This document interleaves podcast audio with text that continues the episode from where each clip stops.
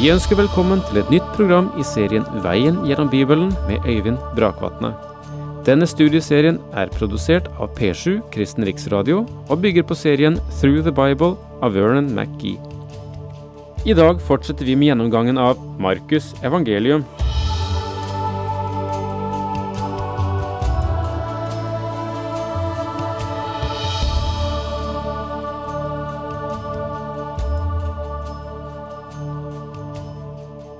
I evangeliene finner vi at det der fins en hel del, ja det meste av materialet, som er felles for samtlige evangelister.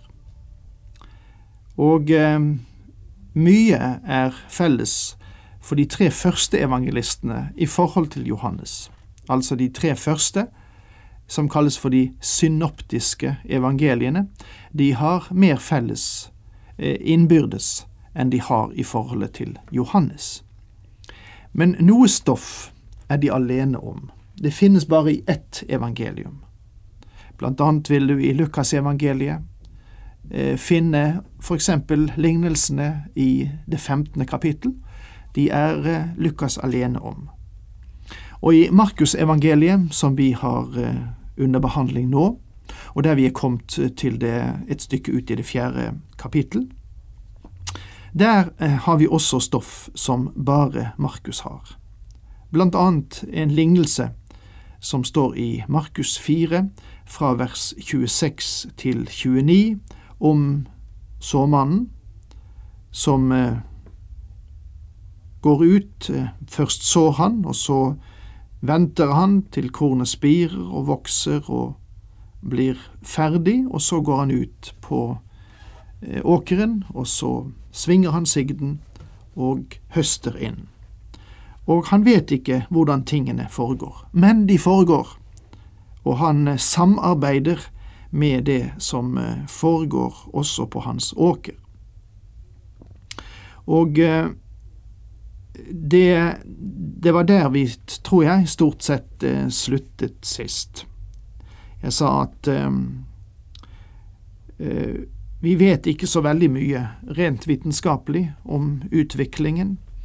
Eh, noe vet vi, og de som steller med dette, vet adskillig atskillig mer enn vi vanlige. Og likevel så rører vi med et mysterium fra kornet blir lagt i jorden og til det er ferdig. Det er livet som fins også i et korn. En rekke ganger har jeg kommet med fly eller tog fra Oslo til Jæren tidlig på vårparten. Og her er våren allerede kommet. Krokusen står i blomst, trær står i knopp, og gårdbrukerne er overalt opptatt med å pløye og plante. På Østlandet ligger snøen fremdeles. Ingen kan forklare hva som hender, men alle på Jæren reagerer på det som skjer, og aksepterer det med glede og begeistret forventning til den kommende høst. Veldige krefter forløses i naturen når nitrogen kler seg i grønt. Om Gud skulle samle disse krefter til ett og slippe dem ut, ville selv den største atombombe virke som en slags puslete kruttkjerring. Og denne lignelsen, som da Markus er alene om å fortelle, Markus 4, 26–29, denne lignelsen forteller om og illustrerer kraften i Guds ord når det får virke i våre hjerter og liv. Og hvilken fantastisk liten lignelse dette egentlig er. Og nå har vi eh, en tredje lignelse om såkorn i dette kapittelet, altså kapittel fire i Markus evangeliet. Og vi leser fra vers 30.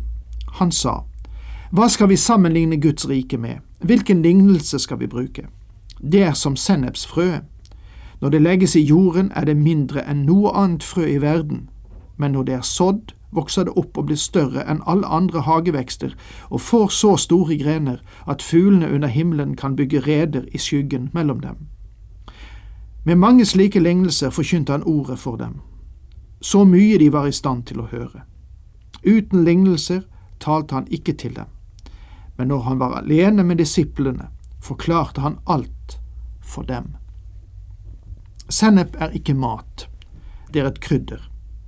og sennepsfrøet som vokser til et tre, er unaturlig. Dette gir et bilde av kristendommens ytre vekst til store organisasjoner, store menigheter, store programmer. Alt virket av en mektig kraft. Men legg merke til fuglene i treets grener.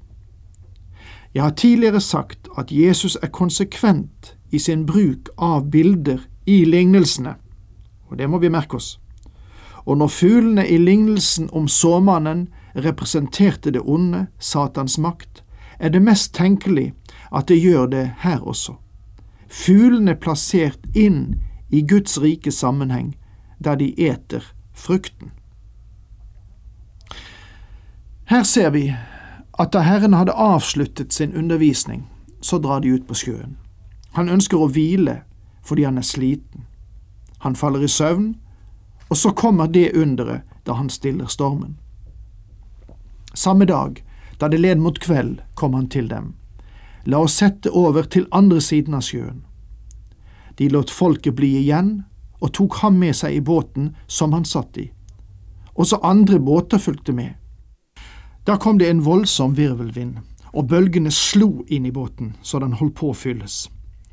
Men han lå og sov på en pute bak i båten.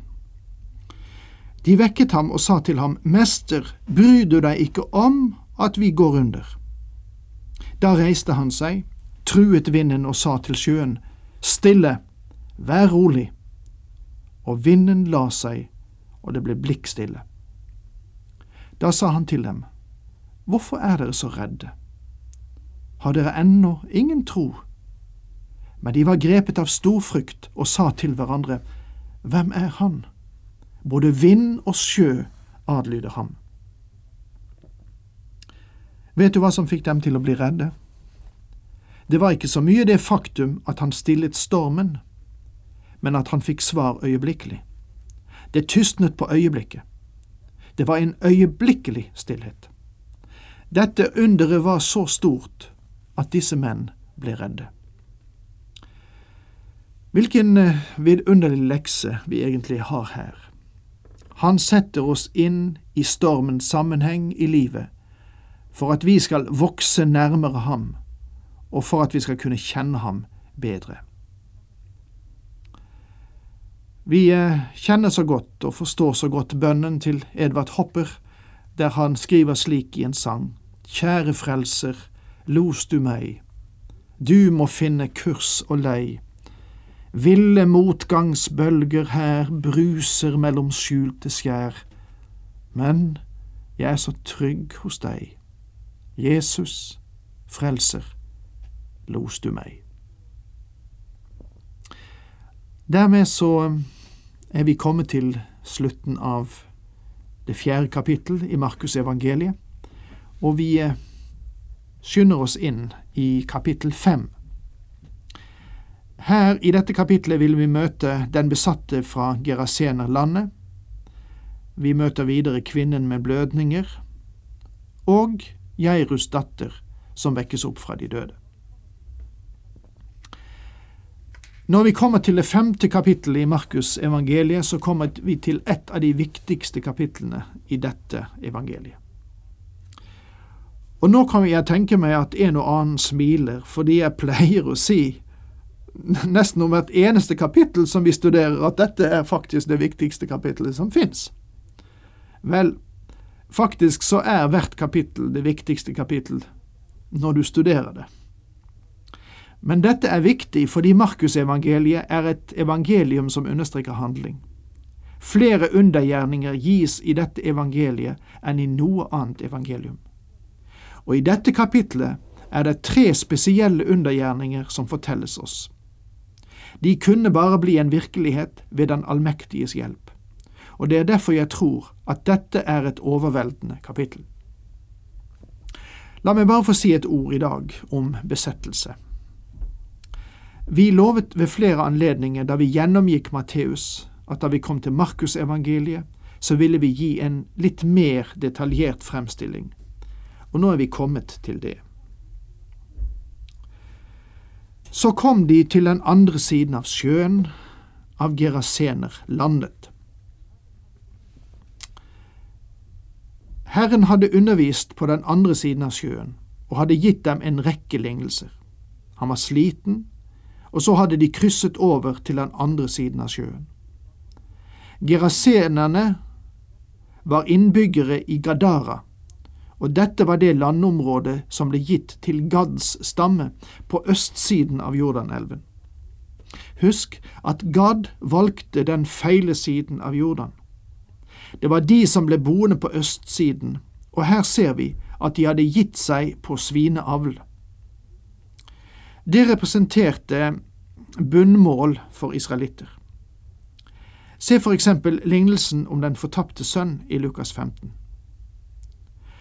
Når du først begynner å gå bort fra Gud, så vet du aldri hvor det ender. Da han steg ut av båten, kom en mann mot ham fra gravhulene. Han var besatt av en uren ånd.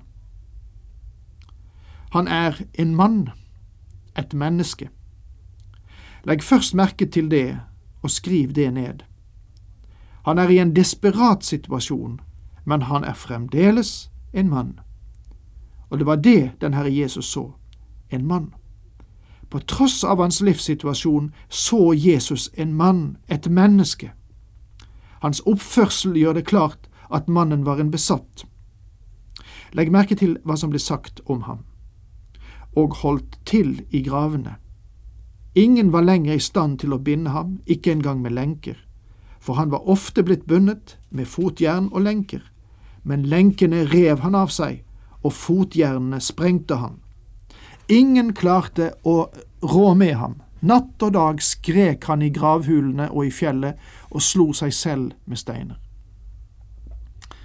Dette er et sjokkerende tilfelle av en mann som er besatt med en uren ånd. Han bodde i gravhulene. Her holdt han til. Dette var hans getto. Gravene var urene plasser. De døde var der, og av og til ble de døde kroppene avdekket. Han kunne ikke lenger glede seg over fellesskap med noen normale mennesker, men bodde blant de døde. Av Matteusevangeliet ser vi at det var også en annen mann, men Markus og Lukas konsentrerer seg om denne.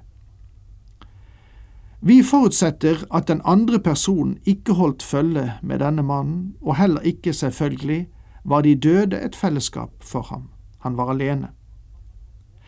Men vi blir fortalt at han hadde overmenneskelige krefter slik at ingen kunne binde ham. Han var et helt vilt menneske. Ingen kunne rå med ham. Han var fortvilet. Han led også fysiske skader som han påførte seg selv. Og menneskelig sett er han et håpløst tilfelle. Han brøler og skriker.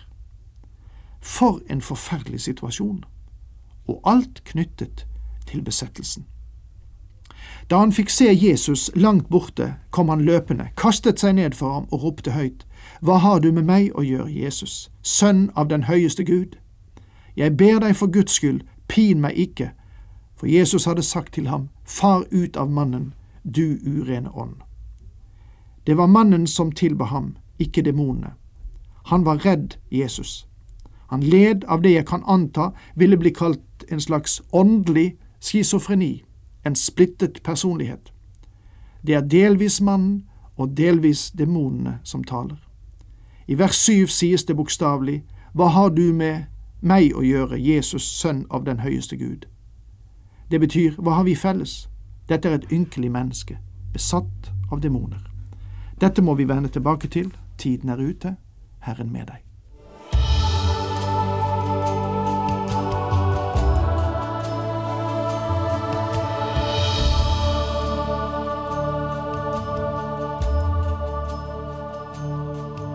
Du hørte Øyvind Brakvatne i studieserien Veien gjennom Bibelen. Serien bygger på et manus av Vern McGee. Har du spørsmål eller kommentarer til programmet, kan du sende en e-post til vgb krøllalfa p7.no. Takk for i dag, og på gjenhør.